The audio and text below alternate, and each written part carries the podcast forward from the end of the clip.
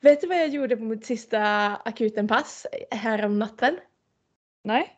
Jag och Nias, du vet, vår- som gästade podden, eh, Mm. AT-chefen. Vi reponerade tillsammans en underarm på en eh, kille. Det var skoj. Okej, reponera. Jag vet, men alla lyssnare. Vad, betyder, Just vad det. innebär det? Eh, sätta på plats eh, en, ett ben, en fraktur som är felställd. Fel plats, eller på fel ställe. Gick det bra? Det gick bra. Jag gillar faktiskt lite ortopedin nu. Jag har ju alltid sagt att jag kommer aldrig bli det, men eh, det är ganska roligt. Just det. Mm. Men eh, var det svårt? Fick du ta i mycket? Eh, Faktiskt, de senaste två passen jag har varit med på två gånger vi har satt en underarm på plats. Ena gången gick det jättelätt. Den andra gången var vi två doktorer som fick hänga i varsitt håll i armen för att få den på plats. Men det gick också bra. Ja, det var, man Mm. fick ta i. Man förstår varför man måste ha stark när man är ortoped. Exakt, det är därför alla ortopeder gillar träning. Ja, de Ja men bra att det gick bra. Och kul att du har Ja. fått upp ögonen för ortopedi. Din pappa är också ortoped, eller hur? Ja, det är därför jag har sagt att det inte ska bli det.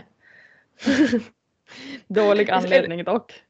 Eller vill du följa din pappas fotspår och bli Nej. gastroenterolog? Sant. Nej, jag skulle aldrig vilja bli gastro. Det har jag sagt hela tiden. Jag vill absolut inte kolla på kolla in i tarmar. Men det känns som att det är av andra, andra anledningar men undermedvetet kanske det beror på att pappa har det. I don't know. ja, ja. ja. Har du sett något roligt på barnakuten då? Ehm, ja, men Eller också roligt, mycket. förlåt. Ja, förlåt. okej. Ja, alltså så här, jag var hmm. Alltså grejen det har varit ganska mycket hemska saker senaste. Jag kommer ta upp det i slutet, slutet av podden som en av mina lyckokillar faktiskt. Så jag Okej. tänker att jag säger pass på den och sparar den till slutet. Det är bra idé. Och nu ska jag bara säga till alla som lyssnar också att det är alltid en eh, svår, alltså så här. Är man läkare så finns det en anledning att man har hamnat i det yrket som man tycker att det är roligt att göra vissa saker. Och jag tycker att det ska vara rättigad. Man ska inte behöva alltså, bli knäckt av sitt jobb. Det är klart att jag känner med patienten och jag känner liksom att det är tråkigt att de har hamnat där. Men jag tycker det är väldigt roligt att hjälpa till. Jag vill bara rätta till Ja, så att ingen missförstår mig. nej, nej, jag tror det är helt lugnt. Det förstår Ja. nog alla. Det får vi hoppas verkligen, annars är det, annars är det illa. Ja, Men något annat som är väldigt bra är ju dagens poddavsnitt. verkligen. Lotfi, vi träffade ju honom första gången på eh, Choice. Och Mm. eh, ja, han föreläste för oss och det var typ kärlek vid första ögonkastet om man får säga så. Jag tycker han var så duktig på att föreläsa. Han stod ut eh, bland alla föreläsare där i mina ögon. Mm. Och hans kunskap, hans, hans sätt att förmedla kunskapen och hans, men, vad kan man säga, person om beroendemedicin och eh, vad som gäller alkohol, droger, narkotika. Så intressant. Verkligen. Och eh, jag vet inte, det kanske inte drabbar dig lika mycket. Du dricker ju knappt alkohol. Jag vet inte om du vill säga det på den. Jag vet inte hur du känner för det. ja, men, alltså, ja. av oss två så är det ju verkligen inte en partypingla utan det är nog snarare jag. Men eh, jag, jag, kände, jag kände personligen när vi pratade i det här avsnittet hur det fick en att tänka på saker. Eh, tänk, tänka på politiken, tänka på samhället ganska mycket. Varför är det så, varför är det så accepterat att dricka och bli berusad? Varför är det coolt bland ungdomar? Alltså jag fick mycket så här djupa tankar. Som att när vi har skiftat från att rökning inte är coolt längre, det var det en gång i tiden. Jag hoppas att det kommer ett segelskifte eh, angående alkohol, att det slutar vara coolt att dricka alkohol också. Att det är lika coolt att vara nykter. Du vet, man ska inte känna om man vill ta det alkoholfria alternativet och det ska man absolut inte känna. Men jag kan tänka mig att vissa ungdomar kan tycka att det är liksom pinsamt eller någonting. Ja, oja, det är så många i mina ögon som har svårt att gå ut om man inte ska dricka. Vilket Ja. är så sorgligt. Jag tänkte på det när du sa partypingla. Jag gillar, okej, jag gillar inte att vara ute sent på, kväll, på nätterna men jag gillar typ, typ dagsfester, typ Ah, gå ut och dansa gillar jag, sådana grejer. Och det kan man verkligen, det vill jag verkligen att alla ska kunna känna är kul oavsett Ja. om man har eh, druckit eller inte. precis. Så, precis. ja. ja men det är, en, det är en debatt för sig men jag tycker att eh, Vi ska hoppa in i avsnittet så att Ja. folk faktiskt får höra av Loftis kloka ord.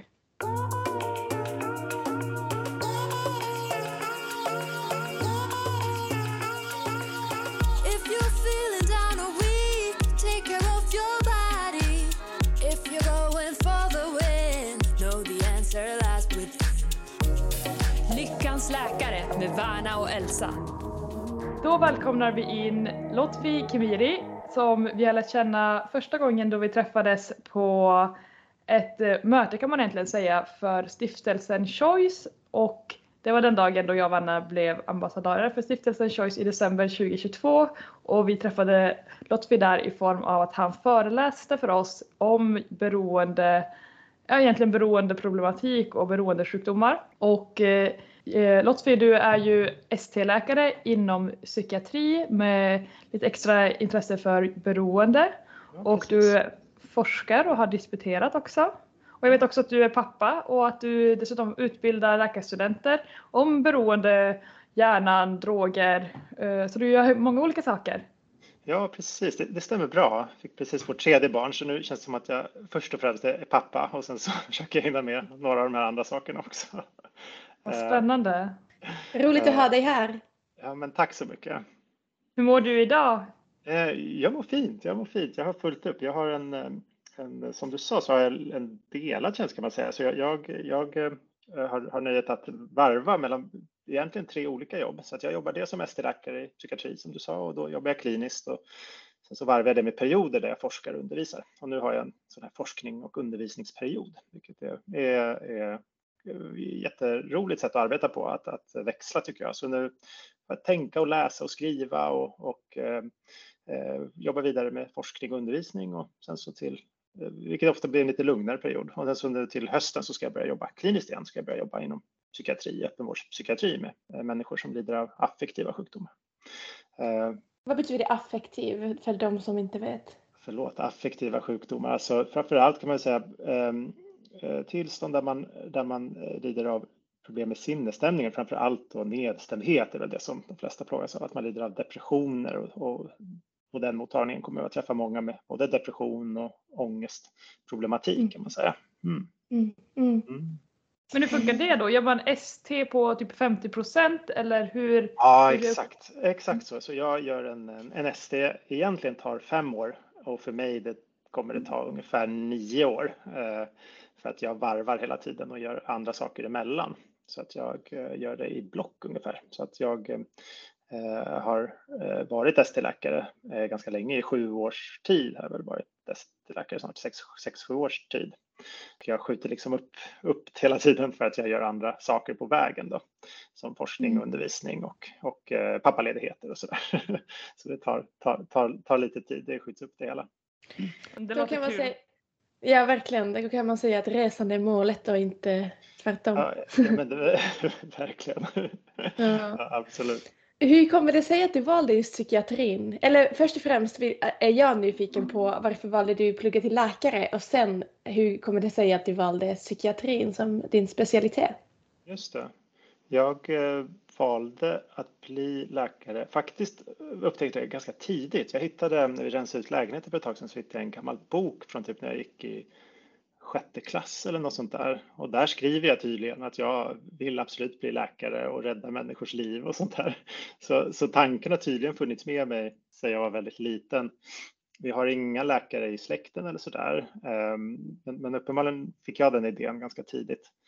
Ehm, och det höll i sig fram till studenten, gymnasiet och eh, tyckte att, eh, alltid tyckt, så länge jag kan minnas, att det är väldigt intressant med egentligen olika sjukdomar och vad som händer i kroppen. Jag tror att det var där fascinationen kom först. Alltså, ska du läsa redan tidigt om liksom, biologi och, och olika sjukdomar och sådär. Um, och sen så kom jag liksom, jag visste med mig redan tidigt efter gymnasiet att, att det var läkarstudier som jag skulle satsa på. Eh, Men jag visste inte mycket mer om jobbet egentligen. Jag var ganska så, tror jag, lite naiv och blåögd och visste inte så mycket om vad det innebar att jobba som, som doktor. Och, och tanken på psykiatri, det kom egentligen under, först under utbildningen kan man säga. Vad var det som fick dig att fastna för psykiatrin? Var det när du läste kursen eller? Men jag tror att det var eh, så att eh, jag fastnade väldigt tidigt för neurovetenskap egentligen. Så i början på de första terminerna så läste man grundkurser och då hade vi en, en lång kurs om basal neurovetenskap som jag tyckte var eh, fantastiskt intressant och ville läsa hela kursboken i detalj liksom, och det hände inte på de andra kurserna. Eh, och sen så när man börjar på sjukhus och så där så hoppar man runt mellan olika kliniker och testar olika specialiteter. Och då kände jag väl inte riktigt mig hemma någonstans förrän jag kom till hos oss på, på Karolinska institutet där jag har studerat. Eh, så börjar man termin nio och läser en termin som heter neurosinnen och psyke. Och då Eh, kände jag direkt att det här är liksom min termin på något sätt. Eh, och framför allt inom neurologi och psykiatri. Det var de två eh, ämnena som, som jag verkligen fastnade för och där fick jag lite den här wow-känslan att, att det är det här jag, något av det här ska jag syssla med. Så jag, jag stod och velade mycket mellan neurologi och eh, psykiatri och i botten tänker mig att det, det, har att göra med en eh, jättestark fascination för hur, hur hjärnan fungerar egentligen. Eh, att det, det är något väldigt, eh, och det tycker jag fortfarande idag, att det, det är väldigt häftigt hur, hur, hur lite vi fortfarande vet om, om eh, hur hjärnan egentligen eh, fungerar och hur den yttrar sig när den är frisk och hur den yttrar sig när den, när den eh, orsakar besvärliga symptom som det gör hos våra patienter inom både psykiatri och neurologi. Mm. Det sker ju en glidning där, liksom, för drygt hundra år sedan. Liksom, då var ju liksom neurologi och, och psykiatri samma specialitet i princip. Um, Freud var ju neurolog till exempel och så där. Så att, uh, det var mycket mer uh, liksom, uh, en sammanblandad specialitet. Och precis som du säger, ju mer man vet och ju mer biologi man förstår kring tillstånden, desto mer tenderar de att flyttas över till neurologi som specialitet. Och eh, om vi går tillbaka lite till din forskning, vad, vad är det mest specifikt du har forskat eh, på och eh, disputerat inom? Och hur kommer det sig att du eh, började forska om just det. Ja, precis. Ja, men precis. I valet mellan neurologi och psykiatri, det som jag tror kanske avgjorde sen, det var att jag, jag eh, kom in och eh, fick möjligheten att söka någon sommarforskarskola och då eh, fick jag kontakt, och, jag, och fick kontakt med en forskargrupp Eh, som sysslade med beroendeforskning och det var ett jättetrevligt gäng som leddes av professor Johan Frank och, och eh, Nitya Jayaram Lindström på Karolinska institutet och eh, det är väl det andra så här, skälet till varför man trivs eller varför man väljer sin specialitet eller sin nisch eller sin forskning. För, för mig, som jag har förstått mer och mer, att, att eh, det förstod jag, egentligen förstod jag väldigt tydligt under covid att hur viktigt det är att vara i ett socialt sammanhang, en trevlig grupp kollegor som man trivs med och som man eh, klickar med och eh, har eh, roligt med när man arbetar. Och det hade jag med dem. Um, och jag hade en jättetrevlig forskargruppsmiljö. Och då eh, tog vi fram tillsammans ett forskningsprojekt som man kan säga handlar om kognitiva funktioner hos patienter med alkoholberoende. Ehm, jag slogs ganska tidigt av att patienter med beroende, de, de, de uppvisar de här traditionella symptomen. Vi kommer kanske prata om det sen, men men att det vi ofta mäter och är intresserade av när det gäller bero, patienter med beroendeproblem är att de, de eh, har väldigt mycket sug efter, efter substanser de är beroende av. De får mycket negativa sociala komplikationer. De har svårt att sluta dricka när de väl börjar, om vi pratar om alkohol. De får abstinens och tolerans och så där.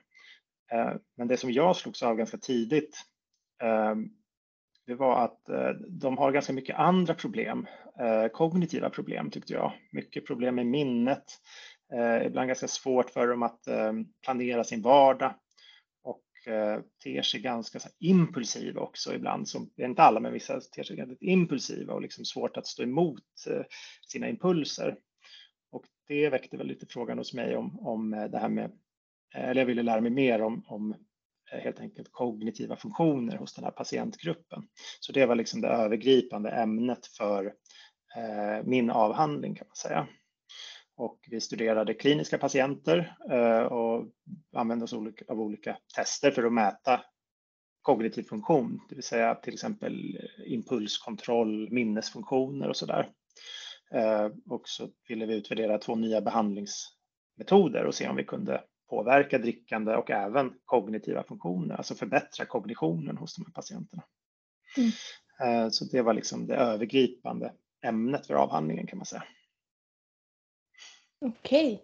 Eh, såg man någon eh, skillnad i impulsivitet eh, beroende på vilken ålder man var eller jag, kom, jag tänker bara nu att mm. spontant tänker jag att man är mer impulsiv när man är ung. Mm, blir- Jättebra. Jättebra fråga, precis. Och det, det, det är ett generellt eh, fynd hos våra beroende patienter att de är eh, mer impulsiva ju yngre man är och det gäller ju hela befolkningen faktiskt, men, men särskilt beroende patienter. Eh, och beroendeproblem har ofta beskrivits som sånt, ett sådant tillstånd där impulsivitet och liksom sökande efter njutning eller lust, det är väldigt dominerande i början av utvecklingen eller när sjukdomen liksom börjar yttra sig. Då. Så de flesta som får beroendeproblem, de, de eh, brukar få problem någonstans i 20-årsåldern eller tidigare än så, men tonåren, tidiga 20-årsåldern. Och då brukar man beskriva det som att det börjar ganska mycket, kan vara impuls, impulsstyrt och sökande efter belöning och kickar. Ehm, och ju längre man har gått eller ju senare, ju längre tid man har varit beroende så kan man säga att det där, där liksom gradvis tappas av eh, och att man kanske drivs mer av det motsatta, kanske snarare så här det man kallar negativ försäkring. Alltså man, man, man kanske använder alkohol eller droger mest för att undvika att må dåligt eller undvika att få ångest och så där. Så det är liksom olika, eh, olika drivkrafter i olika faser av, av sjukdomstillståndet. Ja. Mm. Ja, men abs ab- absolut är det så. Eh, men man kan säga att gemensamt för alla beroendetillstånd kan man säga att de är på gruppnivå. Våra patienter, de är, eh, har ganska utbredda kognitiva problem.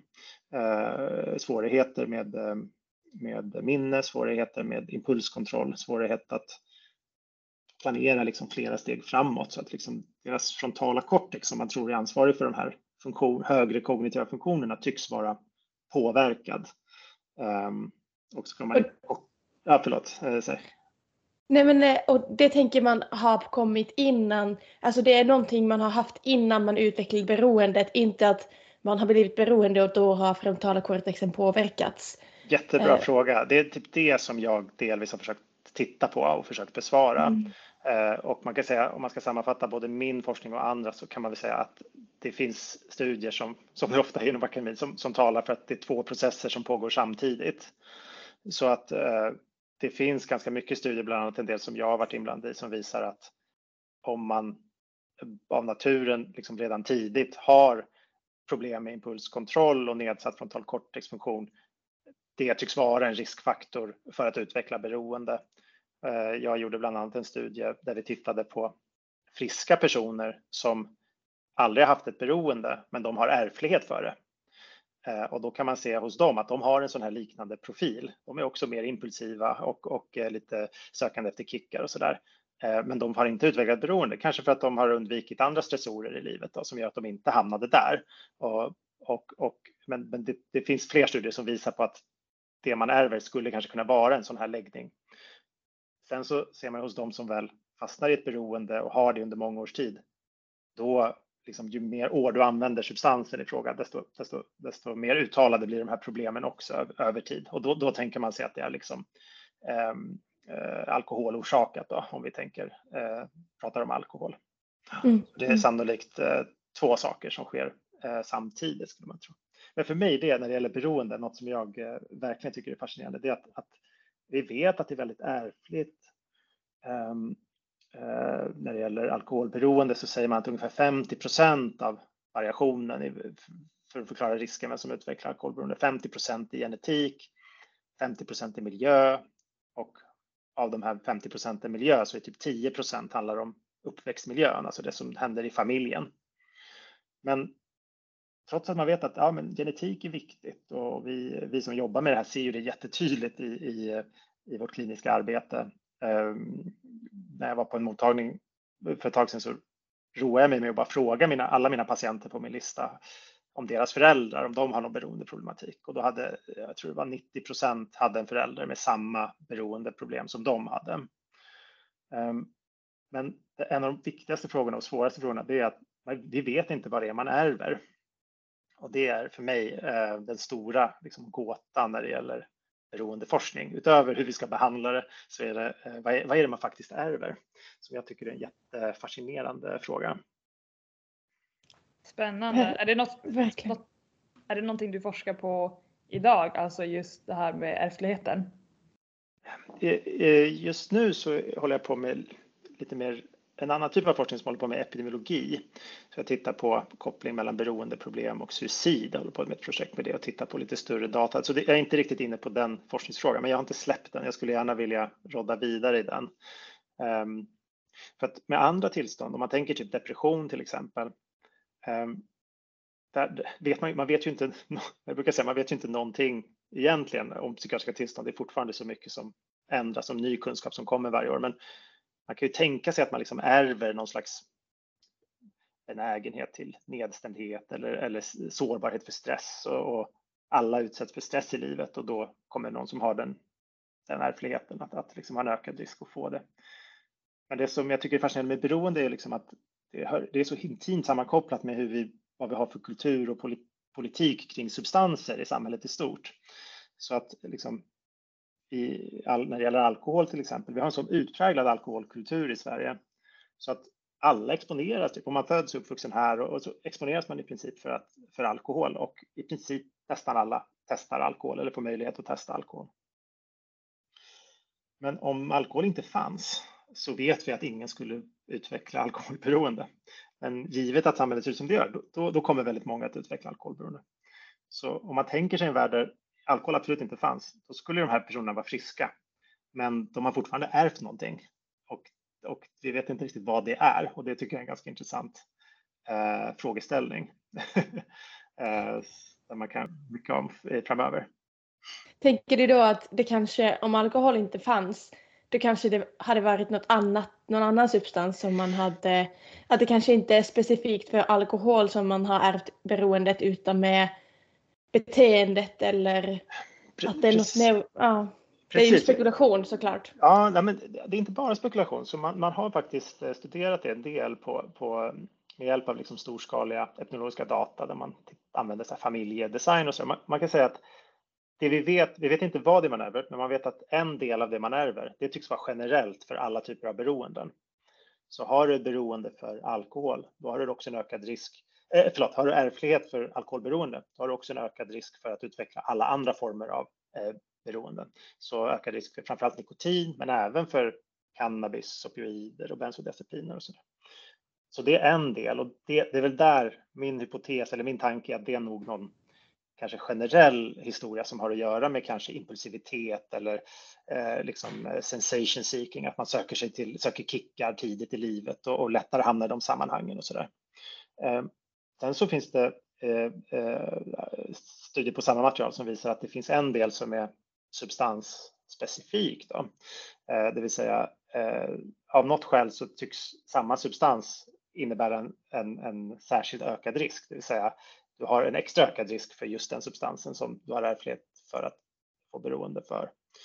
Eh, och där tror jag, och det här är ju liksom verkligen hypoteser baserat på mycket djur och få, få, få studier så, så, har jag en hypotes om att det, det har säkerligen att göra liksom med, ehm, med hur ens belöningssystem är riggat på något sätt. Mm. Ehm, det finns en variation i hur folk reagerar och eh, tycker om eh, olika substanser helt enkelt och det känner ni säkert själva igen från när ni kanske började dricka alkohol och se hur olika ni och alla runt omkring er reagerar på den substansen mm. så märker man att det, det, det, är en jättestor variation. Och det tänker jag är någonting annat som har kanske att göra med hur ja, genetik som har att göra med belöningssystemets utformning till exempel. Mm. Mm. mm. Och visst är det så, om vi tänker nu mer specifikt hur alkohol fungerar, att man kallar det som en dirty drug, alltså den ja, påverkar vä väldigt många saker i hjärnan. Ja. Om man jämför typ med cannabis som har specifika receptorer. Ehm, Precis. Eller vad är det egentligen som alkohol gör eh, i hjärnan? Vet, vet det, vi det? Det är en jättebra fråga. Man vet, man vet ganska mycket men man vet inte exakt allt som alkohol gör. Um, och man kan säga att uh, alkohol är här, som du sa en dirty drug, eller en lite lömsk molekyl för den letar sig in och påverkar liksom cellmembran och enzymer och påverkar, har en väldigt generell effekt på inte bara hjärnan utan hela kroppen och det, det är därför som, som det liksom är liksom associerat med så himla många olika sjukdomstillstånd. Det är liksom ett, ett nästan ett rävgift, alltså det, det påverkar verkligen alla organen. Um, men när det gäller effekten på hjärnan så är det väl typ två effekter som är mest studerade och som vi, vi känner till mest om och som också vi har kliniska applikationer till. Det första är att det har en eh, inhiberande effekt på hjärnan så att man får en minskad elektrisk aktivitet där man tror att stimulans av en signalsubstans som heter GABA är väldigt viktig. Då. Ehm, och den andra effekten, och man tror att det här första, det här med inhibitionen med GABA, det, det tror man är väldigt kopplat till, till um, ångestdämpning. Alkohol är väldigt effektivt på att dämpa akut ångest. Då.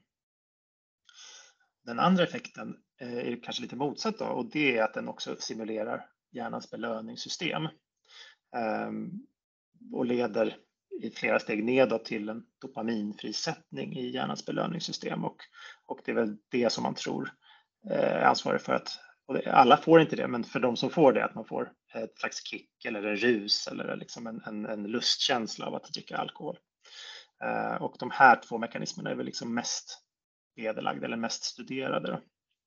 Men, men eh, det som är väldigt intressant är, tycker jag, att, att, sam, att olika människor reagerar så himla olika på samma substans och det, det, det eh, tror jag har väldigt mycket med det kan ha med genetik att göra, det kan också ha att göra med den sinnesstämning man befinner sig i just då som styr hur, hur du kommer svara.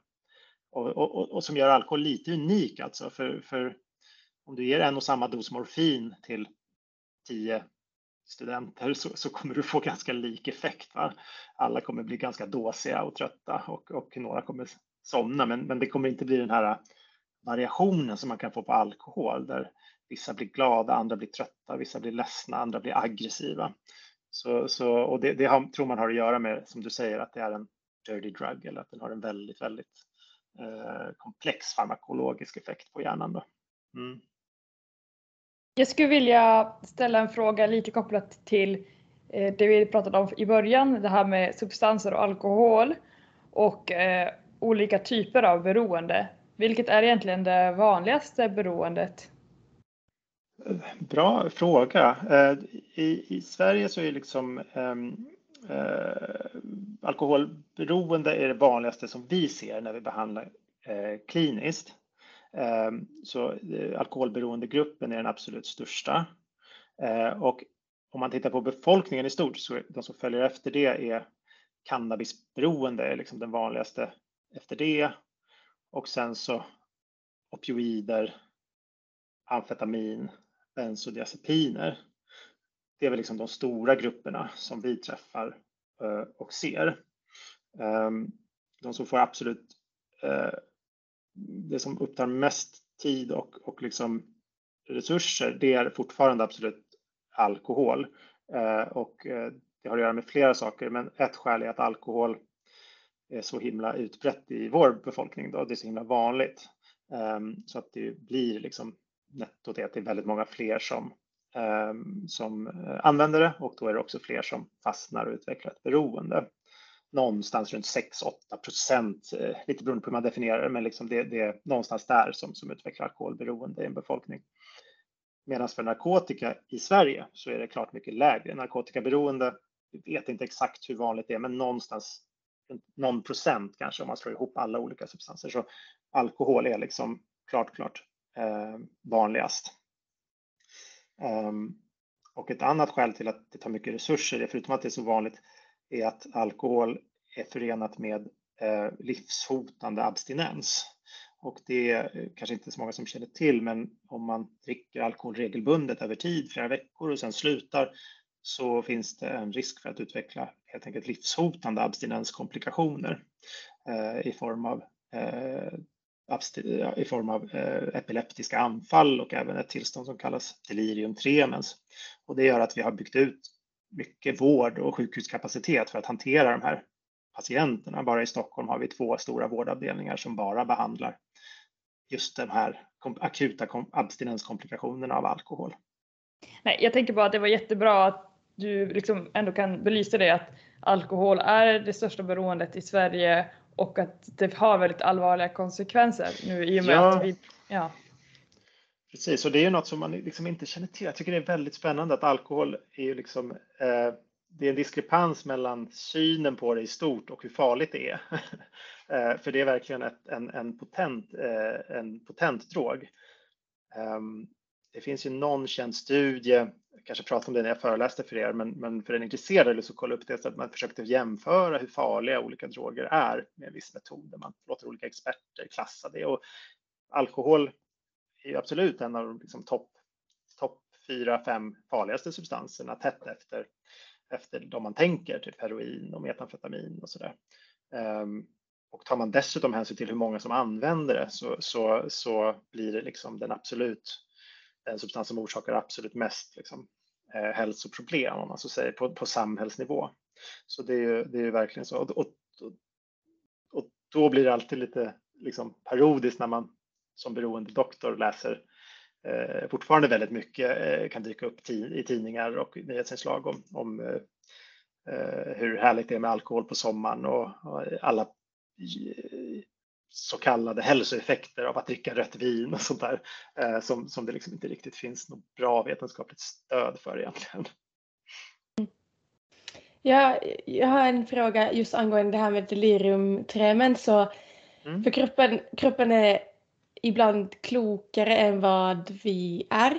Och då tänkte jag bara nu, det fick en tanke här. Kan det vara därför det är så svårt att sluta dricka alkohol? Att kroppen har suget för att skydda dig för att du har druckit så länge och det är livshotande tillstånd att sluta? Eller vad, gör, vad, är liksom, vad är grunden? Vet man det? Har man forskat på det? Varför är det så svårt att sluta? Jättebra fråga. Jag tror, att, jag tror att svaret på den frågan blir olika beroende på hur svårt beroende du har utvecklat. För våra svåraste sjuka patienter som vi träffar eh, som åker in och ut på sjukhus och behöver avgiftas, det vill säga få abstinensbehandling hela tiden. Det som drivs väldigt mycket för dem det är helt enkelt precis som du säger att eh, om vi pratar om alkohol, man vaknar på morgonen, pulsen är 110, man svettas, man skakar, man är akut abstinent, man har druckit hårt i flera veckors tid. Vad är det som driver en sån person till att börja dricka igen? Det första han gör, jo, det är ju att, att genom att snabbt dricka något så dämpar du de här akuta abstinenssymptomen. Samma sak kan man säga för till exempel ett svårt heroinberoende då går den cykeln mycket kortare. Så en eller två gånger på ett dygn så blir du akut abstinent av heroin. Du eh, börjar skaka i kroppen, du får ont i musklerna, du kanske kräks, får diarré Eh, och, och blir sjuk som man säger i en slags influensabild. Och vad är behandlingen då? Jo, man måste få i sig mer heroin snabbt för att, för att, för att inte må så här dåligt. För de sjukaste så är den akuta abstinensen absolut något som, som förklarar mycket varför man inte kan sluta. Men man ska komma ihåg att när det gäller framför allt alkoholberoende, den stora gruppen med alkoholberoende, de är inte så, så svårt sjuka som de vi träffar som åker in och ut på sjukhus och behöver avgiftning, utan de, de eh, har ett väldigt eh, ordnat liv i stort, kommer oftast inte i kontakt med vården, har oftast jobb och familj och arbete och fast bostad, ordnad ekonomi och sådär. Men kanske dricker ganska rejält, en flaska vin per dag eller sådär.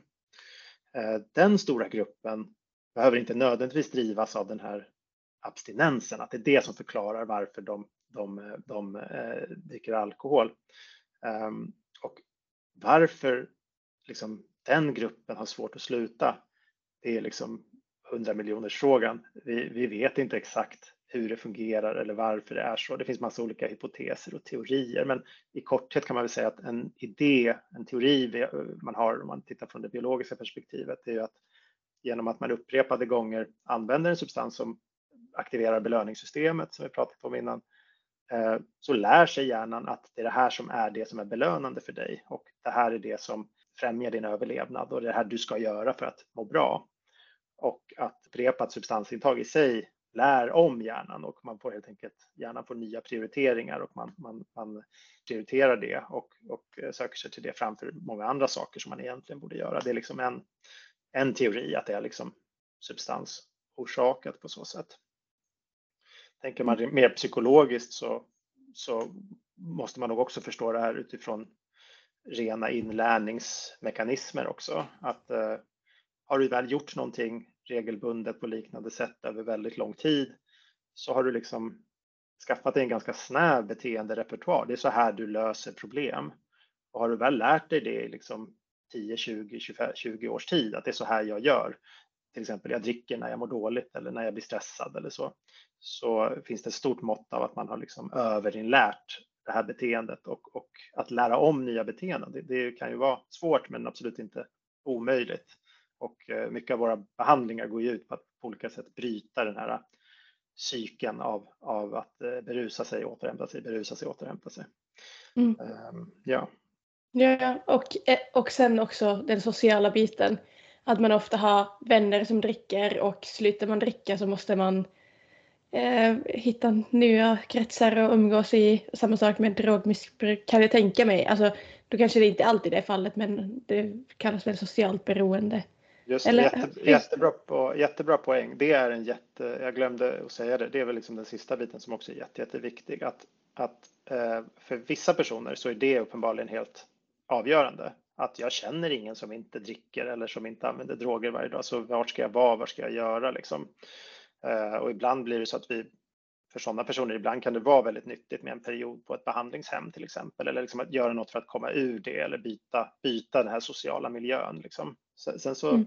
finns det andra studier som visar att man lite väljer sin sociala sammanhang också lite beroende på om man har ett beroende eller inte. Så att det vanliga, en vanlig så att säga, utveckling hos människor som utvecklar beroende, det är att man i unga åldrar, säg tonåren, 20-årsåldern, jättemånga festar ofta och alkohol och droger är liksom en naturlig del av vardagen på ett sätt. Och sen så när man växer upp och kanske börjar jobba, får familj, så de allra flesta, de slutar med det då. Och då, de som har beroendeproblem, de tenderar att då söka sig till andra sociala kretsar där det här är mer vanligt. Så att det kan inte förklara alltid hela biten då, utan det, det finns också en aspekt som är att man, man också väljer och söker upp vissa sociala miljöer som, där, där det här finns tillgängligt då såklart. Det det. finns, eh, det, fin, det finns inget lätt, eh, lätt svar, eller lätt enkelt svar på, på, på den här frågan såklart. Mm. Får jag ställa en, en till fråga apropå Självklart. det du sa, det här med avgiftning när man kommer in till sjukhuset. Eh, det är intressant, eh, kanske inte för alla men jag tror att många, hur funkar det? Vad gör man? Eh, vad är liksom fysiologin bakom när man avgiftar någon från alkohol? Men eh, jättebra fråga. Ehm, de vi tar hand om för att avgifta när vi pratar alkohol, det är människor som har druckit ganska mycket över ganska lång tid. Vi brukar säga som tumregel, man ska ha druckit dagligen, överspritt över hela dygnet i åtminstone två, tre veckor. Och exakt hur mycket, det vet man inte, men vi brukar säga liksom det ska vara ordentligt, kanske motsvarande en flaska starksprit eller något sånt där. Liksom stora mängder över tid det är där man börjar se den stora risken för att få den här akuta livshotande eh, abstinensen. Och de vi träffar och tar hand om, eh, de kan komma in på ganska många olika sätt. Några söker själv och säger jag behöver hjälp och sluta, jag, jag kan inte bryta det här på egen hand. Jag har försökt men det går inte. Och andra kommer på remiss för att de ska ha, komma in i en behandling till exempel. Och vissa kommer in med polisen för att de är jätteberusade ute på allmän plats och, och tas in för att de stör ordningen till exempel. Så vi kan få in patienter på massa olika sätt. Men gemensamt är att när de börjar nyktra till, de kanske kommer in och blåser 2-3 promille och sen så lägger vi in dem för tillnyktring. När vi börjar bli oroliga, det är under tillnyktringen så mäter vi regelbundet puls och blodtryck. Då ser vi att hos några av dem så, så börjar abstinensen att komma redan när de har kvar alkohol i kroppen. Pulsen går upp till 110, 120, de börjar blodtryck på, på kanske 160 systoliskt blodtryck och de börjar svettas och de börjar skaka och de ser väldigt röda ut i ansiktet. Eh, och då börjar vi bli oroliga för det här är liksom tecken på eh, en, en akut potentiellt livshotande eh, abstinens. Och vad är det som händer då? Jo, men man kan återkoppla till det vi sa innan att alkohol har ju en stimulerande effekt på GABA som är hjärnans ehm, eh, signalsubstans som den brukar kalla, man brukar kalla den för bromsen. Det är den som har den här inhiberande effekten på hjärnan. Det som händer om man dricker alkohol regelbundet i flera veckors tid, det är helt enkelt att det är som att lägga en blöt filt över hjärnan. Det är som att hjärnan hela tiden får den här stimulansen, inhiberande effekten dygnet runt i flera veckor. Och vad gör hjärnan då? Jo, men då tänker hjärnan själv att men, jag behöver inte så mycket eget GABA. Jag kan nedreglera hela det här systemet, för jag får ju det ändå utifrån. Så det sker en ren sån här adaptation eller anpassning. Och rycker man bort det i ett svep och bara tar bort, tar bort alkohol på en gång, det som händer är att man får då den akuta motsatta effekten och det är att hjärnan blir istället för inhiberad så blir den exciterad, alltså ökad elektrisk aktivitet. Och då får man de här symptomen som jag beskrev och får en ökad risk att få epileptiska anfall som potentiellt kan vara livshotande. Eh, och det här andra tillståndet som vi kallar för delirium tremens. Så det, det är eh, ett jätteläskigt tillstånd där man eh, faktiskt börjar se utöver symptomen som jag nämnde så börjar man också se saker. Man brukar se spindlar eller man brukar höra saker som inte finns, höra musik som inte, som inte egentligen inte hörs. Och så blir man väldigt, väldigt förvirrad så att man är helt klar. Kanske när jag träffar dem och skriver in dem så säger, är de helt med i matchen och mår okej. Okay. Men sen så två dagar senare så tror de att det är 1973 och de är på sitt jobb. Och då blir vi jätteoroliga och det är en akut indikation för att den här personen måste sövas. Och det tillståndet är potentiellt livshotande tillstånd. Så, så eh, eh, vi har liksom en hel stor avdelning där vi bara tar hand om de här patienterna med målet att se till att ingen ska dö i sin alkoholabstinens helt enkelt. Ja, nu har du berättat om hur alkohol som man intar under en lång tid i ganska höga nivåer, hur det kan vara liksom, ja, men livsfarligt om det går fel. Men det finns ju också tillfällen då man kanske inte kontinuerligt dricker stora mängder alkohol, men att man vid ett tillfälle dricker väldigt mycket och det kan ju också vara livsfarligt. Vill du berätta lite om hur den mekanismen går till? Men jättebra fråga. Om man tänker sig liksom det finns många olika risker med, med berusningsdrickande eller att dricka väldigt mycket vid ett enskilt tillfälle. Man kan ju faktiskt dö bara i en ren alkoholöverdos. Då krävs det väldigt mycket alkohol och, och eh, det händer, men det är inte supervanligt. Men man kan säga den stora risken, vi tänker för vem som helst att supa sig väldigt, väldigt berusad, det är ju att man försätter sig i situationer som man sen inte kan ta sig ur och som utgör, innebär en ökad fara.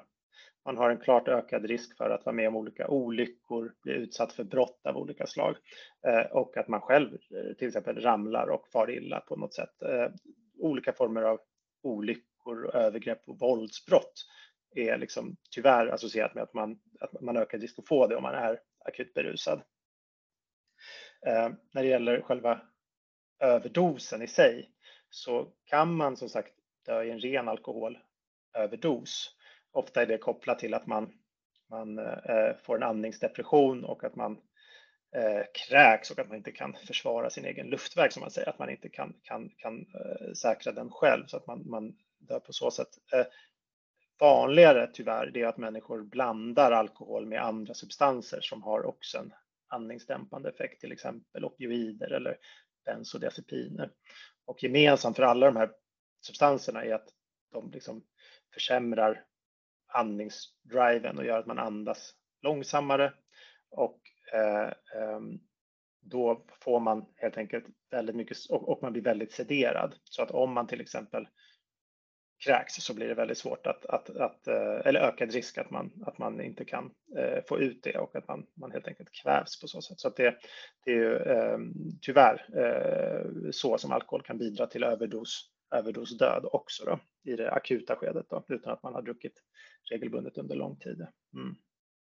Nej, det är farlig drog som jag tror att många inte kanske har den respekten för. Ja. Um, men det, det ledde mig in på en annan fråga om huruvida alkohol kan orsaka cancer. Ja, men det är en jättebra fråga där, där, ehm, där jag tror att allmänheten fortfarande inte vet eller känner till den här starka kopplingen mellan alkohol och cancer.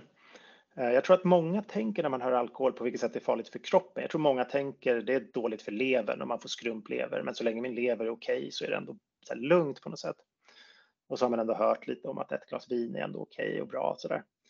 Ehm, den senaste datan, tillgängliga datan, den är ganska entydig egentligen som visar på att jag, jag, brukar, nu, jag, jag, är lärare på läkarprogrammet här på KI och, och vi lär ut helt enkelt att tittar vi på vad evidensen och den senaste forskningen säger, då är alkohol att betrakta eh, vi bör ge samma råd när det gäller bara effekten på hälsa som vi ger kring cigaretter. Och det är helt enkelt att ju mer du dricker, desto ökad risk är det för väldigt, väldigt många olika negativa hälsoutfall det finns mer än 200 sjukdomar där alkohol har en direkt kausal risk, eh, riskökning för att du, du får de sjukdomarna. Eh, och när det gäller cancer så finns det väl eh, sju eller åtta cancerformer där vi vet att alkohol är direkt, eh, eh innebär en direkt riskökning. Ehm, och eh, det gäller då eh, uppifrån och ner. Man kan tänka där alkohol exponerar mag-tarmkanalen när man dricker, så mun och, och eh, svalg och strupe, matstrupe, mage, tjocktarm, rektum. Eh, och dessutom bröstcancer för kvinnor. Eh, och här är forskningen forskningen liksom otvetydig. Det, det är ett jättetydligt samband och det är linjära samband på så sätt att riskerna börjar redan vid liten, det vi kallar för låg, låg konsumtion. Så riskökningen kommer redan motsvarande ett standardglas per dag, det vill säga sju glas i veckan ungefär. Redan där ser man att riskerna för cancer börjar gå upp. Så rådet vi ger är egentligen att, att eh, om man bara tänker på sin hälsa så är ju det bästa rådet att minimera alkoholkonsumtionen och inte prata om att det finns en alkoholkonsumtion som är säker eller fri från risker. Eh, sen så går det linjärt så att ju mer du dricker desto högre blir eh, risken givetvis. Just det, så då det här eh, lite med medelhav, eh, medelhavet, vad säger man? man brukar, vid medelhavet brukar man dricka ett glas vin till maten. Och det. Eh, det var någon forskning som visade någon gång, eller jag minns från läkarlinjen att, att man pratade om att det skulle kanske kunna vara bra. Men då när man, när man lyssnar på det här så, så känns det som att det är helt kontroversiellt och man kan inte, verkligen inte säga så. Nej, det, det, kan man nog inte säga. Så, och jag tror att det, det, man blandar ihop lite olika saker. Det, det, vi vet är att det är, eftersom det är linjära samband så är det absolut bättre att dricka mindre mängd sett över tid och att undvika berusningsdrickande. Så att det är verkligen jättefarligt att, att eh, dricka liksom eh, 10-15 standardenheter två, tre gånger i veckan. Det, det, det, är förenat med ganska många av de här riskerna som vi har pratat om. Eh, och då blir väl riskerna lite mindre om man då tänker sig att man dricker hälften av det utspritt över veckan, vad man skulle kunna kalla medelhavsdrickande. Visst, då blir riskerna mindre. Eh, men det jag tror har blivit en missuppfattning här är att, att man tänker att det inte bara är riskfritt utan kanske till och med har en positiv effekt på hälsan. Och det är liksom ett så här äh, återkommande mantra som dyker upp nästan varje år i tidningar och det finns alltid någon, någon eh, hjärtexpert som säger att det är bra med antioxidanter eller vad det är. Och det är inte mitt forskningsområde, men det, det jag har satt mig in i det, så min bild av är att det är eh, väldigt, väldigt ifrågasatt och eh, liksom den gängse bilden som de flesta är överens om i alla fall, även om det finns vissa som inte tycker så. Den gängse bilden nu skulle jag säga är att är att eh, det är eh, inte så att det finns en skyddande eller positiv hälsofrämjande effekt av låg måttlig alkoholkonsumtion. Um, och eh, vi har ju det här begreppet riskbruk i Sverige och det, det är jag övertygad om att vi kommer stryka eller ta bort i närtid. Då. Att, eh, vi har en, från Socialstyrelsen ett begrepp som heter riskbruk som ligger på nio standardglas i veckan för kvinnor och 14 för män, eh, vilket då är över gränserna där vi börjar se riskökningar för cancer till exempel. Eh, så att jag är övertygad om att sådana här rekommendationer kommer vi liksom eh, att förändra eller, eller, eller justera i, i, inom de närmsta åren. Det tar ofta lite tid från att forskningen visar något till att det får genomslag i rekommendationer och råd och sådär. Kan man sammanfatta det lite då med att eh, man ska, alltså, för mig känns det då som att hur jag ska tänka på drickandet av alkohol är att det kommer spela roll även om jag bara dricker säg ett glas bubbel i veckan så det spelar också roll. Men att varje glas gör, alltså ja som du sa linjärt att ju mer, alltså varje glas räknas. Och det är inte så att ett glas inte betyder någonting utan att Nej, det verkligen är, ja. Precis, men samtidigt ett glas i veckan är ju jättelite. Så den mm. risk, riskökningen som det då skulle bidra till, det är väl, den är väl jätteliten men mm. ändå lite åt det hållet och inget tecken på att det skulle ha någon skyddande effekt i alla fall. Nej. Så. Sådana här rekommendationer och råd som typ riskbruk och sådär, jag använder dem aldrig kliniskt när jag arbetar mer än att det kan vara pedagogiskt till patienter som, som um, har en väldigt, väldigt hög alkoholkonsumtion. Så jag kanske träffar en patient som berättar oh, om jag tar en alkoholanamnes, alltså jag frågar om hur mycket du brukar dricka och så kommer det fram att patienten dricker kanske motsvarande 35 eller 40 standardenheter, alltså motsvarande 12 gram alkohol i veckan. Då kan det vara ganska belysande att säga då till säg en kvinna som dricker på det sättet så kan det vara ganska belysande att säga jo, du vet att riskbruk, den, den här definitionen vi har, den ligger på 9 standardglas i veckan och du ligger ju väldigt, väldigt, väldigt över det. Så på så sätt tycker jag sådana här rekommendationer eller råd kan vara, eh, vara lite användbara. Men, men man får inte tro att det finns egentligen någon, någon riskfri konsumtion. Sen kan det finnas andra skäl till att man vill dricka alkohol, va? Men, men man ska väl vara medveten om, om, om riskerna, tänker jag. Då, eh, då vill jag gärna ta med en till fråga innan vi börjar avrunda. Som vi har pratat, det här är ett utbrett problem i Sverige och säkert eh, bland de som lyssnar så är det flera som har någon i sin närhet som dricker. Yeah.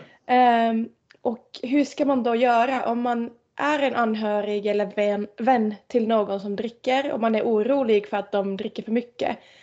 Uh, det kan vara väldigt känsligt. Uh, mm. Har du några tips hur man ska ta upp det här ämnet med personen eller hur man ska gå tillväga? Mm, ja, absolut, det är en jättebra fråga jag, jag har tyvärr i mitt arbete träffat jättemånga anhöriga.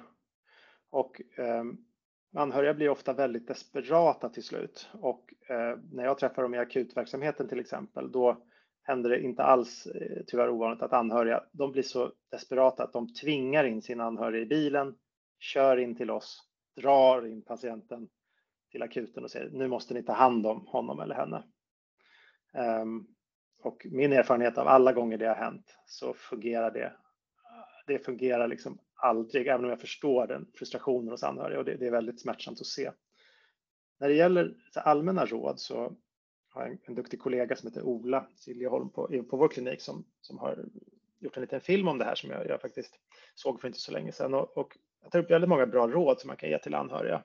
Och det första rådet som man ska ge eh, det, det, är att man helt enkelt vågar och ta ett samtal med sin anhörig som man är orolig för. Och att göra det på ett sätt som inte är konfrontativt, inte innebär någon typ av eh, liksom, eh, eh, så här, engelsk eh, intervention, att man samlar alla och man gör det inför massa människor. Så där, liksom, inte på det sättet, utan att man liksom, i en lugn och trygg miljö där all, båda är nyktra. Ja, jag skulle säga att rekommendera att göra det i enrum och helt enkelt uttrycker med mycket jag-termer varför jag är orolig för dig. Och inte fastna i liksom, ja, hur många glas var det du drack, si och så, du dricker ju si och så mycket i veckan, utan helt enkelt säga vad jag som anhörig ser. Jag ser att du gör så här och det gör mig orolig för att eh, och så vidare. Och eh, att erbjuda sin hjälp och stöd och helt enkelt erbjuda att vara liksom behjälplig. Vill du att jag ska följa med dig? Vill du, Eh, om personen då uttrycker någon slags vilja att söka vård, vill att jag ska vara delaktig? Jag kan liksom följa med på ett besök, jag kan liksom hjälpa dig att ta kontakt med vården, att, att i sitt prat, när man tar upp det här samtalet, vara lite liksom lösningsorienterad så, så att det inte bara handlar om på alla sätt som man har blivit skadad av sin anhörig, utan också eh, betona att man vill, vill liksom främja och hjälpa personen att, att komma in i hjälp och behandling. Ehm, det andra tipset som jag tänker, eh, eh, som också togs upp i den här filmen, det är att, att man, och det, är ett tips som också till, till er som läkare och till kollegor, att, att jobbar man med den här patientgruppen måste man vara duktig på att dra en skiljelinje. Var börjar mitt ansvar som doktor och var börjar patientens ansvar? Det tänker jag är jätteviktigt för en anhörig också, att kunna dra den här skiljelinjen. Vad kan jag som anhörig göra? Och vad är egentligen ansvaret hos min anhörig att göra för att det här ska bli så bra som möjligt. Och i det ligger det att du har inte ansvaret som anhörig för att din anhöriga ska bli nykter till exempel. Det är inte, det är inte ditt ansvar. Du kan försöka främja det, du kan hjälpa till och vara stöttande, men du, det är till syvende och sist inte ditt ansvar. Du måste kunna dra en skiljelinje vart ditt ansvar slutar och börjar. Och relaterat till det blir väl det tredje tipset till en anhörig att det är jätte, jättejobbigt att vara anhörig till någon med beroendeproblem. Det innebär en konstant stress, inte helt olikt hur det är att vara anhörig till många andra svåra sjukdomar, allt från demens och ja, det finns massa sjukdomar där det är, det är väldigt påfrestande att vara anhörig. Man är konstant orolig, eh, man får sömnsvårigheter, stresskänslighet, ångest, depression, nedstämdhet. Och eh, det sista tipset skulle jag säga, det blir att våga vara självisk i betydelsen fokusera på din hälsa också. Ehm, Sök vård om du behöver det. Eh, det finns mycket stödhjälp, stödgrupper för anhöriga som finns både inom hälso och sjukvården men även kommunen erbjuder sånt. Eh, och det finns jättemycket sådana resurser som ofta drivs på volontärbasis. Beroende på var man bor så kan man ofta söka upp det lokalt på den ort där man är. Eh, vår klinik där jag jobbar då, Beroendecentrum Stockholm, vi har en egen hemsida för anhöriga där det finns mycket länkar och tips till anhöriga så jag kan tipsa om den. Man kan googla beroende och anhörig eh, Stockholm så, så, dyker den hemsidan upp. Så det är väl det sista tipset att, att titta där och, och, själv ta hand om sin egen hälsa för att man själv ska orka må, må bra i det här. Tack, det var jättebra svar. Mm. Mm, ja, väldigt viktigt. Ja, det var, var bra. Mm. Då ska vi avsluta med en fråga som vi ställer till alla våra gäster. Okej. Okay. Och det är fri tolkning på den och det är vad som är ditt personliga bästa hälsotips. Mitt personliga bästa hälsotips är, alltså jag, jag, är, jag är så sur på mig själv att jag, jag upptäckte liksom träning alldeles för sent i livet. jag upptäckte träning eh, alltså långt efter läkarstudierna. Eh, så mitt, mitt främsta tips det är att inte bara komma igång med träning utan att skapa en rutin där du får in någon typ av mikroträning, speciellt om du har, är i en livssituation där du känner som jag och väldigt många andra, jag hinner aldrig träna. Hitta någon typ av rutin som innebär fysisk aktivitet, träning som du kan göra i hemmet eller i, precis bredvid ditt hem. Någonting som du kan göra jättenära som inte tar mer än 30 minuter. Och så bara få in det två gånger i veckan och så kommer väldigt mycket bli bättre när det gäller din hälsa. Det är väl mitt, mitt, eh, mitt eh, tips som jag kommer på just nu. Det var väl jättebra.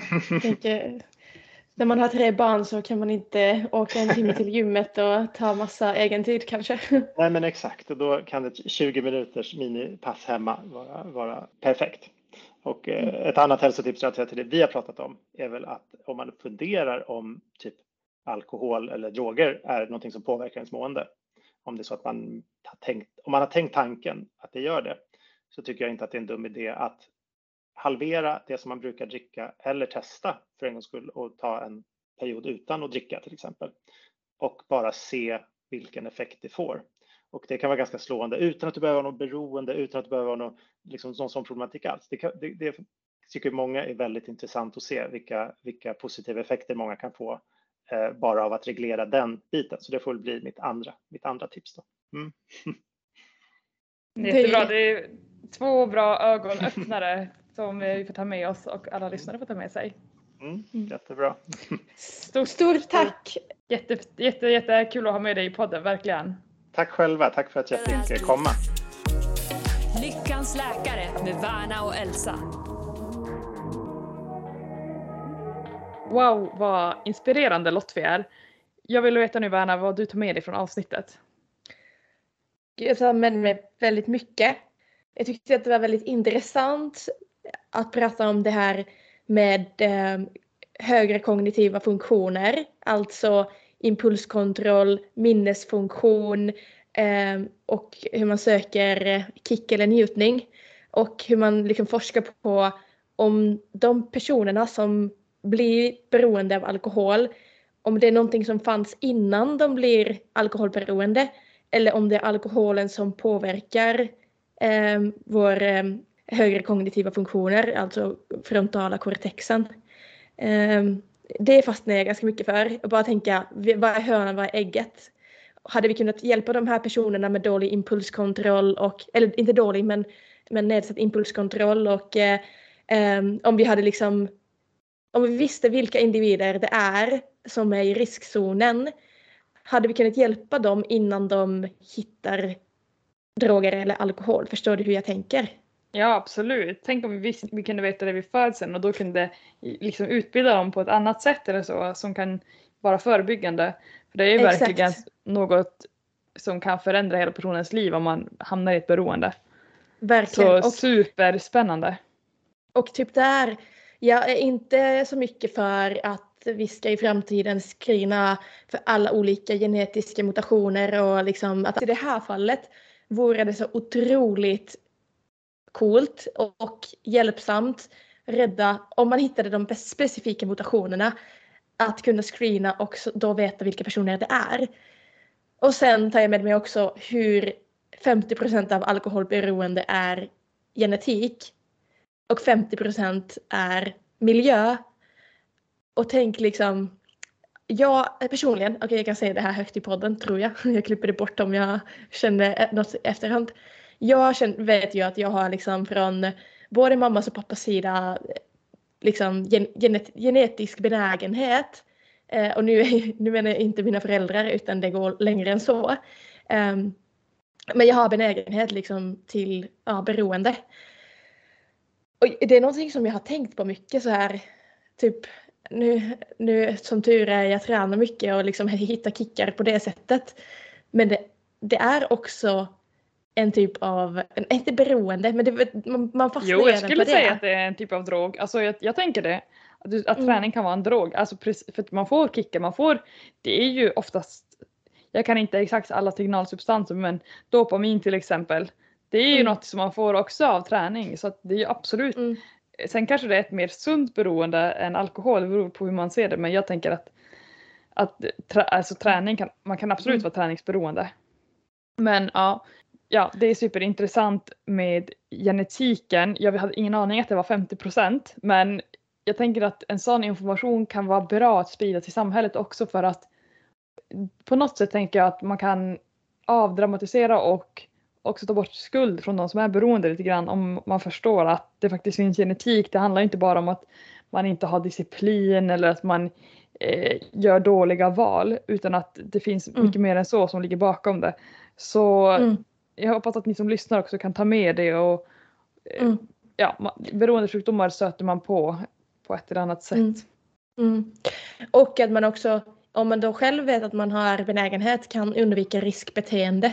Om man Mm. vet att man har genetik för det eller Mm. har utsatts under sin uppväxt till eh, miljö, för miljö, för miljöfaktorer, alltså uppväxtmiljö är den andra 50 procent. Om man då vet att man har båda bitarna så kanske man kan vara medveten om det och eh, exempelvis undvika att dricka själv när man är ledsen. Mm. Man Eller kanske- försöka skaffa, skaffa vänner som har, eh, inte dricker så mycket. Jag tänker om man har genetiken med sig och dessutom har mycket vänner som dricker. Det gör ju Mm. inte det, det gör ju det väldigt tufft för en. Nej, sant. Sen är det Väldigt sant. svårt att välja vänner utifrån om de dricker eller inte men att ha med sig det i huvudet kan i alla fall vara bra. Vara den, alltså medvetenheten.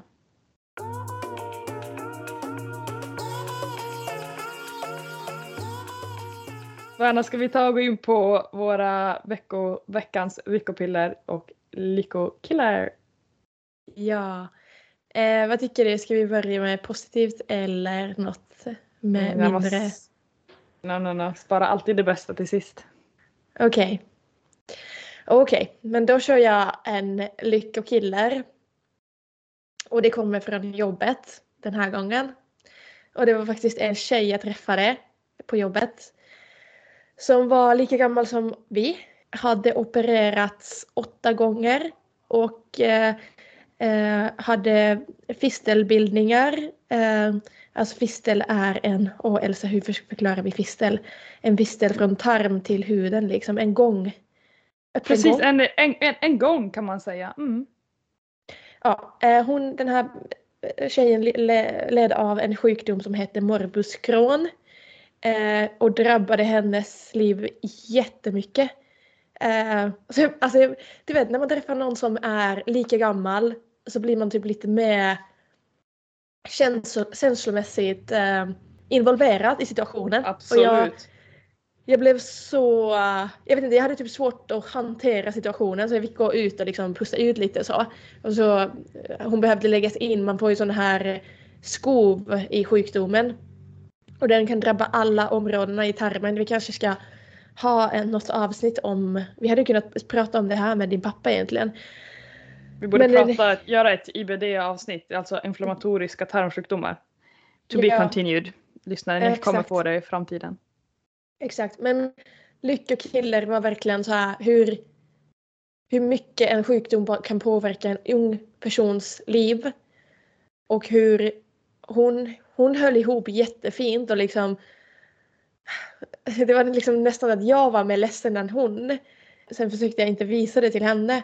Men eh, jag har typ inte kunnat sluta tänka på henne sen jag la in henne här, här om natten när jag jobbade. Eh, jag ska gå in och vi får ju läsa, läsa anteckningar från eh, de patienterna vi har träffat och se hur det går för dem. Så jag ska gå in och försöka följa upp. Jag hoppas att det blir bra för henne. Men det fick mig att bli så här uppskatta mitt eget liv också. Eller jag vet inte hur jag ska säga det men Perspektiv, Jag kände- jo. Man vet inte, you don't know what you have until it's gone. Ja, exakt. 100 procent. Så mycket perspektiv. Hur mycket hon har spenderat på sjukhus av sitt liv. Och hon har inte gjort någonting för att liksom... Det är ing- inget hon hade kunnat göra annorlunda. Hon har bara otur att drabbas av den sjukdomen. Så orättvist. Det är min lyckokiller. Då kan jag inte låta bli att flika in med att jag idag också har träffat ett barn med Crohns och någonting som är jätteovanligt som inte typ någon av läkarna här hade sett tidigare som är det heter kutan Crohns, att man har Crohns i huden. Men det här var då i huden fast inuti magen på ett sätt som är, ja, Eh, det är misstänkt, vi har inte fått en diagnos, men det var också så otroligt hemskt. Så då får man också abscesser nere liksom innanför analhålet. Och de här har sedan åkt ut utanför analhålet och spruckit så det är liksom stora spruckna slemhinnor utanför analhålet. Ja, det finns så hemska sjukdomar som ingen förtjänar att få. Man får verkligen perspektiv som eh, när man jobbar inom vården.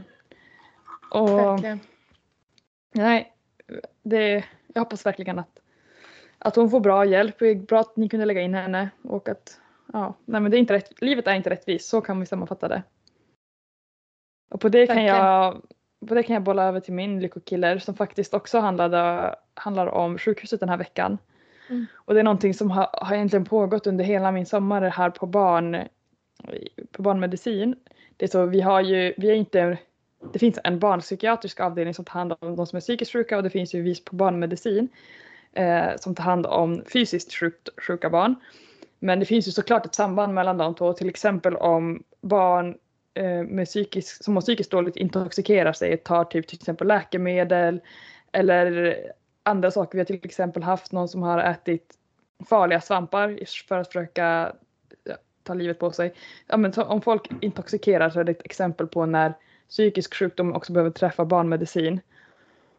Och den här sommaren har vi haft så många unga tjejer i typ tonåren som mår dåligt på och, och som inte vill leva. Och det är det är, jag, vet inte, jag har inga ord helt ärligt för hur sorgligt och tråkigt det är och hur mycket jag känner att jag önskar att jag kunde göra mer än vad jag kan.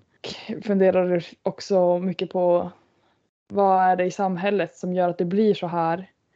Jag vet att det finns evolutionärt liksom ångest, vi har det, men att det går så här långt och jag har aldrig sett så hemska uppskurna armar över hela armarna och jag vet inte, man kan göra så mot sig själv. Jag blir så otroligt ledsen. Jag förstår ju att de absolut inte mår bra inuti sig och det är bara så sorgligt och jag önskar man kunde göra mer så att um, Jag förstår dig.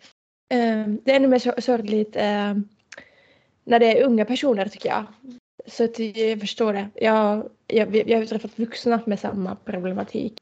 Vi har ju faktiskt spelat in ett avsnitt ganska nyligen inom det här temat. Och eh, vi pratade, det var ganska mörkt, eh, spe, prata en timme om det kände jag där och då. Jag behövde verkligen sitta och pusta ut lite efter att vi hade spelat in det. Men så viktigt att prata om det. Det är väl det som man ska Mm. ta med sig. Mm. Alltså mm, att inte, även om man inte drabbas alltså, av, av det själv, att man ska vara öppen, prata om det så att personer som kanske tänker på det eller mår dåligt vågar i så fall komma till en och prata om det eller mm. ser att det liksom Mm. accepterar Mm. att ta upp ämnet. Absolut, jag tänker att dels jätte, känns det jättebra att vi har spelat in det här poddavsnittet. Det är inte släppt ännu men det kommer. Så håll utkik där vi pratar om just suicid, alltså självmord och suicidprevention och vi pratar om varför man mår så dåligt. Ehm, eller varför samhället, många i samhället mår så dåligt. Och sen tänker jag också precis som du är inne på att superviktigt att veta om att det går att bli frisk från psykisk ohälsa. Man kan få tillbaka livslusten. Jag är ett levande exempel på det. Jag har också en gång i tiden mått jättedåligt, inte velat leva, men idag har jag livslust och lever ett glatt och eh, äventyrsfullt liv. Så att det finns hopp och om du själv mår dåligt eller har någon i din närhet så finns det hjälp att få. Så Mm. ge inte upp och kom ihåg att det finns ljus. Mm. Det tänker Mm. jag vi kan skicka med. Exakt, och du är aldrig ensam. Även om det känns så ibland. Okej. Anna, nu vänder vi och pratar om ljuset, lyckopiller. Ja, för jag har också känt mig så här. Det är ju nytt för mig. Nu har ju Henrik flyttat eh, till Stockholm. Dit du också ska flytta snart. Ehm, Han har bott i Göteborg under sommaren och vi har ändå haft, även om vi inte har bott ihop så har vi kunnat ses ganska ofta eh, på helgerna och sådär. Även om, ja, han har jobbat där, jag har jobbat här i Varberg men det är ändå liksom nära. Nu bor han i Stockholm och det har känts tufft för att man bor, är särbo på riktigt. Ehm, och vi inte skulle ha setts på en hel månad för att eh, jag jobbade helger och han hade också lite jobb på helgerna och sådär. Så det skulle ha gått en hel månad att vi inte ses alls. Och vi skulle ses i Bosnien faktiskt på ett bröllop eh, i början på Mhm. september. Men så spontant så fick han en lucka och kunde komma hit igår eh, kväll. Så min lyckopiller är att få känna och ge kärlek.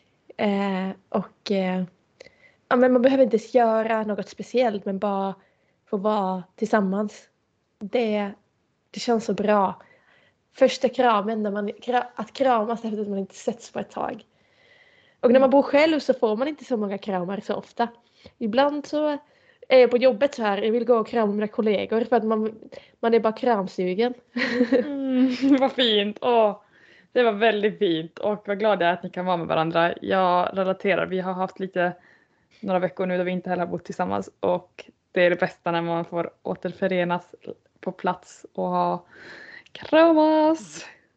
Det är så skönt. Lyxigt, njut av det. Ja, det ska jag. Berätta, vad är din guldkant på vardagen? Ja, jag hade riktigt guldkant i morse Verna. Jag eh, var ute och sprang och det var klockan var typ, vad kan den varit? Typ halv sex när jag gick ut. Det är så här tomma gator. Men här uppe så är det fortfarande väldigt långa dagar så solen hade, började precis gå upp. Under löpturen så var, började solen lysa starkt.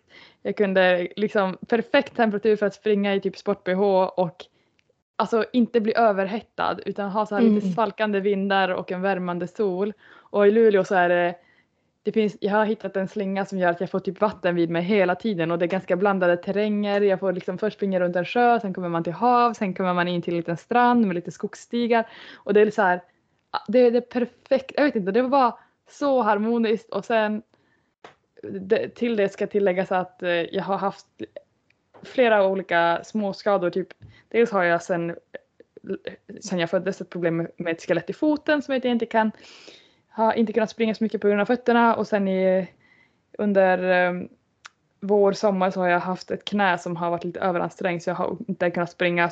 Jag har typ kunnat springa korta sträckor men inte så långa. Och idag kunde jag springa mina Ja, jag sprang på känsla 14 kilometer utan någon smärta. Och bara Mm. efteråt, efteråt inte ens kände, alltså jag hade inte liksom maxat eller någonting, jag hade bara njutit och sprungit på känsla. Och jag bara kände mig stark efteråt, inte trött, bara energifylld och typ njöt rakt igenom. Kände mig så lycklig och Mm. stark och tacksam för min kropp. Så det, vill jag det var verkligen en, en lyckopiller som gav mycket, en sån liten sak som kan betyda så mycket. Jag förstår dig. Jag tycker att löpning är av alla, alla akti- alltså så här, all träning så är det den som ger mest endorfiner. Jag håller med. Speciellt, speciellt om man springer utomhus. Ja, Exakt. det är helt, alltså det är så Till otroligt. ja, till typ musik.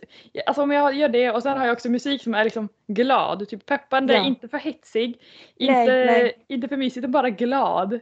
Och bara, och springa på känsla, inte, inte för något tempo eller något sånt. Åh, Ja, jag har Alltså- två låtar.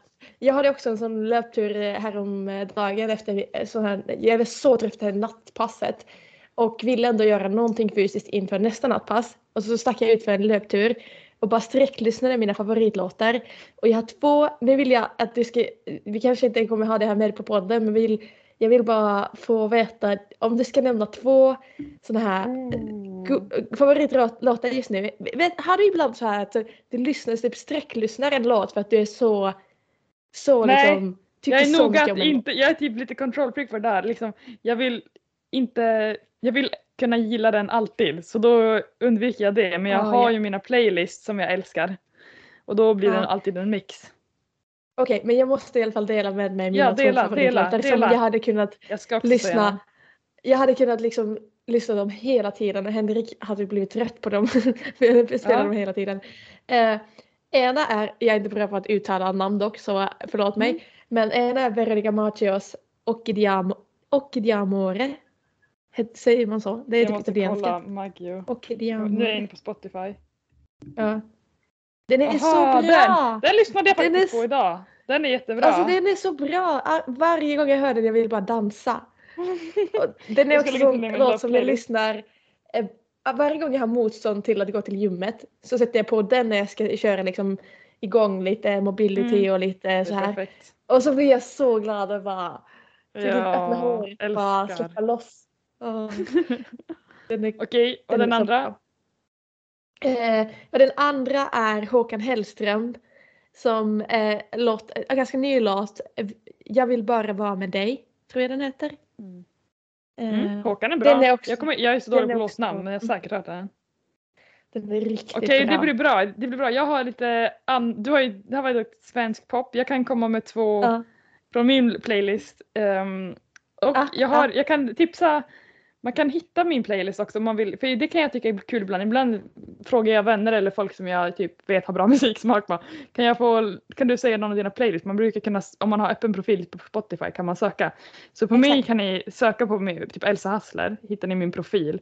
Och sen kan ni gå in på playlisten som heter Run Smooth.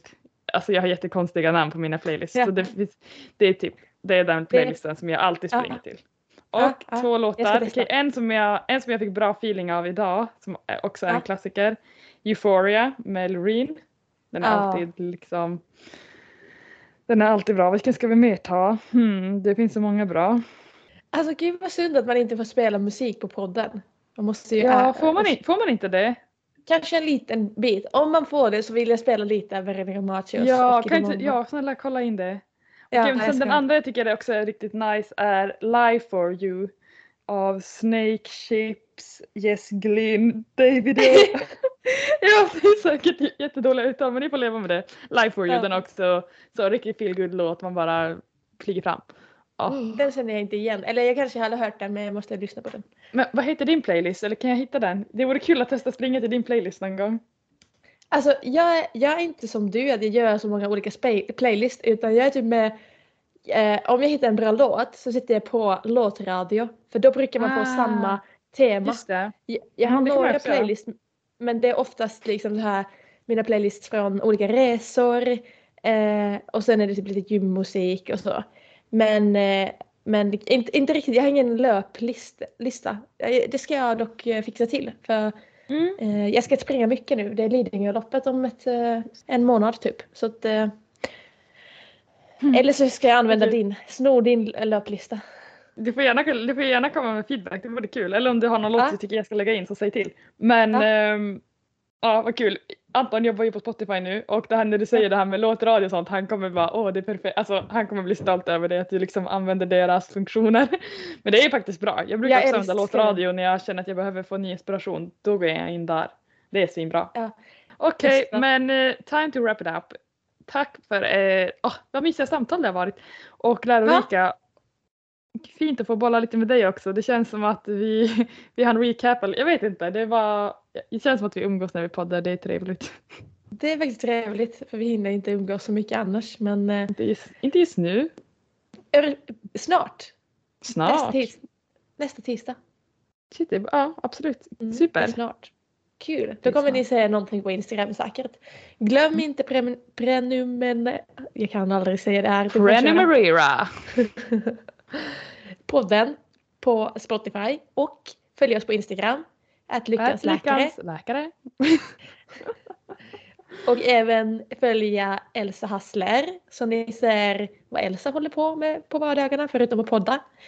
Eh, och att Verna Madeleine om ni vill kika in på vad jag eh, gör. Ta hand om er och var snälla med er själva i höst. Ja, och glöm inte att ni inte är ensamma utan det finns alltid människor som bryr sig om er. Vi bryr oss. Ja! Ta hand om er! Puss och kram!